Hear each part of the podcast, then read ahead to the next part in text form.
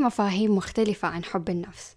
في الأمور البسيطة واللي تكون شوية كده على السطح فمثلا بالنسبة للبنات إنه تاخدي شاور حلو ورايق أم إنه تحطي ماسك ولا تلبسي لبس يفرحك. كل دي الأشياء ممتازة ودي أفكار مرة حلوة مرة رايقة.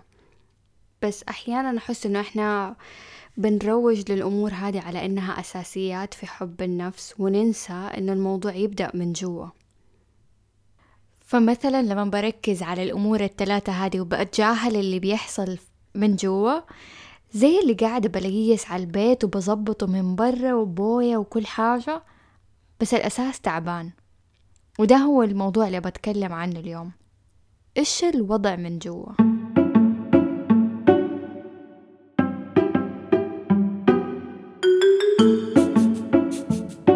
يا أهلا وسهلا معكم نوف بوزير ودي حلقة جديدة من علاقات مية واحد. طيب في مفاهيم أعمق في حب النفس اللي لو ما كانت موجودة إحنا ممكن نكون أقرب لأنه نكره نفسنا من أنه نحبها وأحيانا الأشياء هذه بنسويها من غير ما ننتبه. بس ده كلام كبير. كيف يعني الواحد يكره نفسه من غير ما ينتبه؟ طيب كره النفس أحيانا يكون جدا واضح عند ناس معينة بيقولوها بالصريح إنه أنا أكره نفسي أو ممكن بيضروا نفسهم وجسمهم بشكل مباشر. بس برضو في كره للنفس بشكل غير مباشر وما هو مرة واضح وأقدر أقول عنه خفي. فمثلا يكون عندي أفكار ومعتقدات وتصرفات ما فيها أي ذرة حب لنفسي ودي الأشياء بتضرني وبتأثر علي. من ناحية إنها بتأثر على نظرتي لنفسي وقيمتي النفسي واستحقاقي للحب والمعاملة الصح من التانيين. في أشياء ممكن نكون متعودين نسويها أو لا إراديا بنسويها بنحسب إنه هذا اللي بنعمله هو الصح وهو الطبيعي. وحقول لكم شيء ممكن دحين أحد يسمع ويستغرب إنه معقول اللي بسويه ده معناها أنا ما أحب نفسي؟ بس عشان أسهل الموضوع أكثر وأخليه واضح أكثر حقول لكم على كم حاجة. اعتبروها علامات بتدل على أننا نتصرف بطريقة ما فيها حب لنفسنا. وغالبا غالبا غالبا العلامات هذه حتظهر في العلاقات أكثر شيء. فمثلا اجلس في علاقة جدا سيئة أو غير صحية وما فيها أي احترام سواء كانت مع عيلة أو صديق أو شريك. أو أكون في زواج ما يرضيني ما يوفي احتياجاتي بس بقنع نفسي إنه ما في أحد مبسوط والزواج كده زي البطيخ. ويعني لو طلعت أنا من العلاقة هذه يمكن ما ألاقي أحسن منها. مثال ثالث إنه أكون في علاقة بدايتها واضح إنه إحنا اثنين ما إحنا مناسبين لبعض. بس بأقنع نفسي إنه أكيد هو حيتغير وأكيد حيصير يناسبني وأكيد أنا حأتغير وأصير أناسبه لو مداكم تلاحظوا في عامل مشترك في الأمثلة اللي فاتت. يمكن يكون ما هو مرة واضح. بس العامل ده هو الكلام اللي قاعدة أقوله لنفسي واللي أقنع نفسي بيه. الصوت الداخلي والحوار الداخلي أحيانا يكون بيقنعني بأشياء غلط. أحيانا يكون مرة قاسي ومرة شديد ومرة مليان عدوانية ومليان كلام اللي ممكن ما أرضى أقوله لأي أحد تاني بس عادي أقوله لنفسي. طيب سؤال. كيف حب النفسي بيأثر علي ويأثر على حياتي؟ غالبا كل ما أحب نفسي أكثر أنا حكون في حالة رضا مع نفسي ومع اختياراتي. حكون في حالة ثقة أكبر. في المقابل لما ما أحب نفسي زي اللي بقول لنفسي والعالم أنا ما استاهل. ما استاهل الحب ما استاهل الاحترام ما استاهل إنه أكون في علاقة محترمة. وكده أنا بأسمح للطرف التاني إنه يعتدي علي. وأحيانا لما يكون حب النفس قليل أدخل في علاقة يجيني إحساس إنه هو إيش اللي شايف فيا بالضبط؟ أكيد ما يحبني أكيد بيلعب علي ولا أكيد في سبب تاني. ولا أكيد هو جالس معايا بس عشان بيننا أطفال. فما بشوف إنه أنا بستحق الحب هذا أساسا. مو بس كده.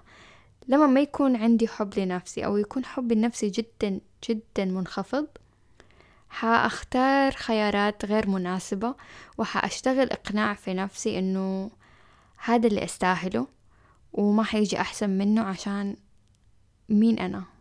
طيب يمكن تعودنا إنه فكرة الحب تجاه نفسنا فكرة نرجسية وأنانية بحتة. فصرنا نحاول نبعد عنها ونروح للمنطقة التانية يمكن بسبب خوف.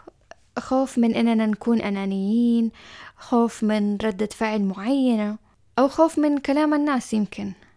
بس مرة تانية إحساس الخوف هذا هو عبارة عن ترجمة للصوت اللي جواتي. لأنه حبنا لنفسنا مربوط بشكل أساسي جدا بالصوت الداخلي والكلام والحوار اللي بيصير جوا. إذا هذا الصوت كان حنون حبنا لنفسنا كان جدا عالي. إذا ده الصوت كان مليان جلد حبنا لنفسنا يكون جدا منخفض. طيب كيف أعرف إذا كلامي النفسي حنون ولا لا؟ أعمل اختبار بسيط. هل الكلام ده حقوله لصاحبتي ولا أختي ولا لا؟ فطبعا إذا كان جوابي إنه لا ما حقوله لأختي ولا حقول لصاحبتي فمعناه إنه الكلام هذا أبدا ما هو حنون وما ينفع أقوله حتى لنفسي. في حاجة تانية برضو من العلامات الفاصلة اللي بين الحب والكره لنفسنا. لما نهمل مشاعرنا ونشوف إنها دلع ونقنع نفسنا إنه الشي اللي صار ما يزعل وما يستاهل نزعل عليه. فمثلا ننفصل من أحد بس نسوي نفسنا مرة أقوياء ومرة عادي. ممكن ما ننقبل في المكان اللي كان نفسنا فيه ونقول لنفسنا اجمد ما يحتاج تزعل. ممكن نهمل احتياجاتنا ونحط الثانيين قدامنا واحتياجاتهم قدام احتياجاتنا. وفي كل المواقف هذه لو نفس الموقف صار لأحد من أصحابنا ردة فعلنا حتكون مختلفة. فحنقول حاجة زي أيوة يحقلك تزعلي ولا أيوة أنتي أم ويحقلك ترتاحي يحقلك تاخدي يوم لنفسك. إلى آخره إلى آخره من كلام الطبطبة اللي مرة سهل علينا نعطيه الناس قبل نفسنا. وده شي كويس ومو كويس. مو كويس لأنه نفسنا تحتاج الطبطبة دي كمان وإحنا كأننا مطنشينها. كويس لأنه معناها المهارة هذه عندنا. نحتاج بس نعيد نوجهها تجاه نفسنا. وعلى فكرة الكلام اللي بنقوله لنفسنا كلام جاي من مكان عميق وجاي من مكان في الماضي وفي طفولتنا. ولو حنجي نتكلم عن الصوت الداخلي أكتر فالصوت الداخلي اللي بنسمعه نفسنا وإحنا كبار عبارة عن تسميع لكل شي سمعناه أو حسيناه وإحنا صغار من الناس اللي حولنا. ويمكن ركزنا أكتر على الصوت السلبي والمواقف السلبية. فنحن عشان نحب نفسنا نحتاج نلاقي الصوت الحنون الضايع. يمكن في البداية يكون مرة صعب إنه ألاقي صوتي الخاص. فاللي حسويه إنه حدور عن صوت أحد في ذاكرتي. الفكرة هنا إنه نحاول نلاقي صوت محب وصوت حنون حتى لو ما كان صوتي أنا. ممكن يكون هذا الصوت جاي من طفولتنا أو حتى دحين وإحنا كبار يكون صوت صديق مثلا ولا صوت الشريك ولا حتى صوت الأخصائية اللي قاعدة تنبهنا عن أشياء إيجابية في نفسنا ما إحنا منتبهين عليها. نلاقي ده الصوت ونتمسك فيه إلين ما نبدأ نكون صوتنا الخاص فينا. وكده بدل ما يكون صوتنا صوت مليان جلد يكون صوت حنون أكتر. وفي طريقة تانية كمان. نتصاحب على نفسنا. وبكده الكلام اللي نوجهه لنفسنا يكون نفس نوع الكلام اللي حنوجهه لأحد من أصحابنا. لأنه المضحك المبكي إنه إحنا نعرف نكون حنونين مع غيرنا أكثر من نفسنا. فلو صاحبتي اشتكت مثلا إنه شريكها ما يعطيها اهتمام تحتاجه غالبا حسألها أكثر. طب إيش قصدك؟ طب قوليلي أكثر. بس مع نفسنا يمكن يطلع صوت إنه طب خلاص ما كل الناس كده وده هو الزواج وخلاص. فاكرين تمرين الكتابة اللي تكلمنا عنه في الحلقة اللي فاتت؟ الكتابة من أكثر التمارين اللي بتساعدنا نسمع صوتنا الداخلي. نتعرف عليه ونخفف من الجلد إذا كان الصوت هذا مليان جلد. فهعطيكم ثلاثة أسئلة. ممكن تكون مفتاح ليكم عشان تتعرفوا على صوتكم وتعرفوا وتقدروا تميزوا هل صوتكم الداخلي صوت ميال أكثر للجلد أو صوت حنون.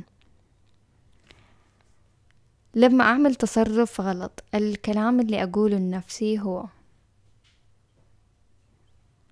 لما أنجح الكلام اللي أقوله لنفسي هو ولما أكون حاسس بتعب وكسل الكلام اللي أقوله لنفسي هو. لو في الثلاث الأسئلة هذه. الكلام كان جدا قاسي فمعناها أنا في منطقة جلد لنفسي وكره لنفسي أكثر من حب. لو كان جوابي عن الأسئلة هذه كلام مليان حب ومليان حنية فمعناها أنا في منطقة حب النفس أكثر. أحيانا ما يكون سهل إنه نميز الصوت الداخلي ونميز إذا كان فيه له جلد ولا حنية أكثر. بس آه، مع تمرين زي الكتابة ومع تفريغ مستمر لأفكارنا على ورق أو حتى أحيانا فضفضة لشخص ولا مع أخصائي نقدر ننتبه لهذا الصوت نقدر نميزه ونقدر نخفف من صوت الجلد إلى صوت حنية أكثر. حلقة اليوم يا سادة يا مستمعين باختصار إن الحب لنفسنا يبدأ من جوا من الأفكار من الصوت اللي بنتكلم ونستخدمه في حوارنا مع نفسنا.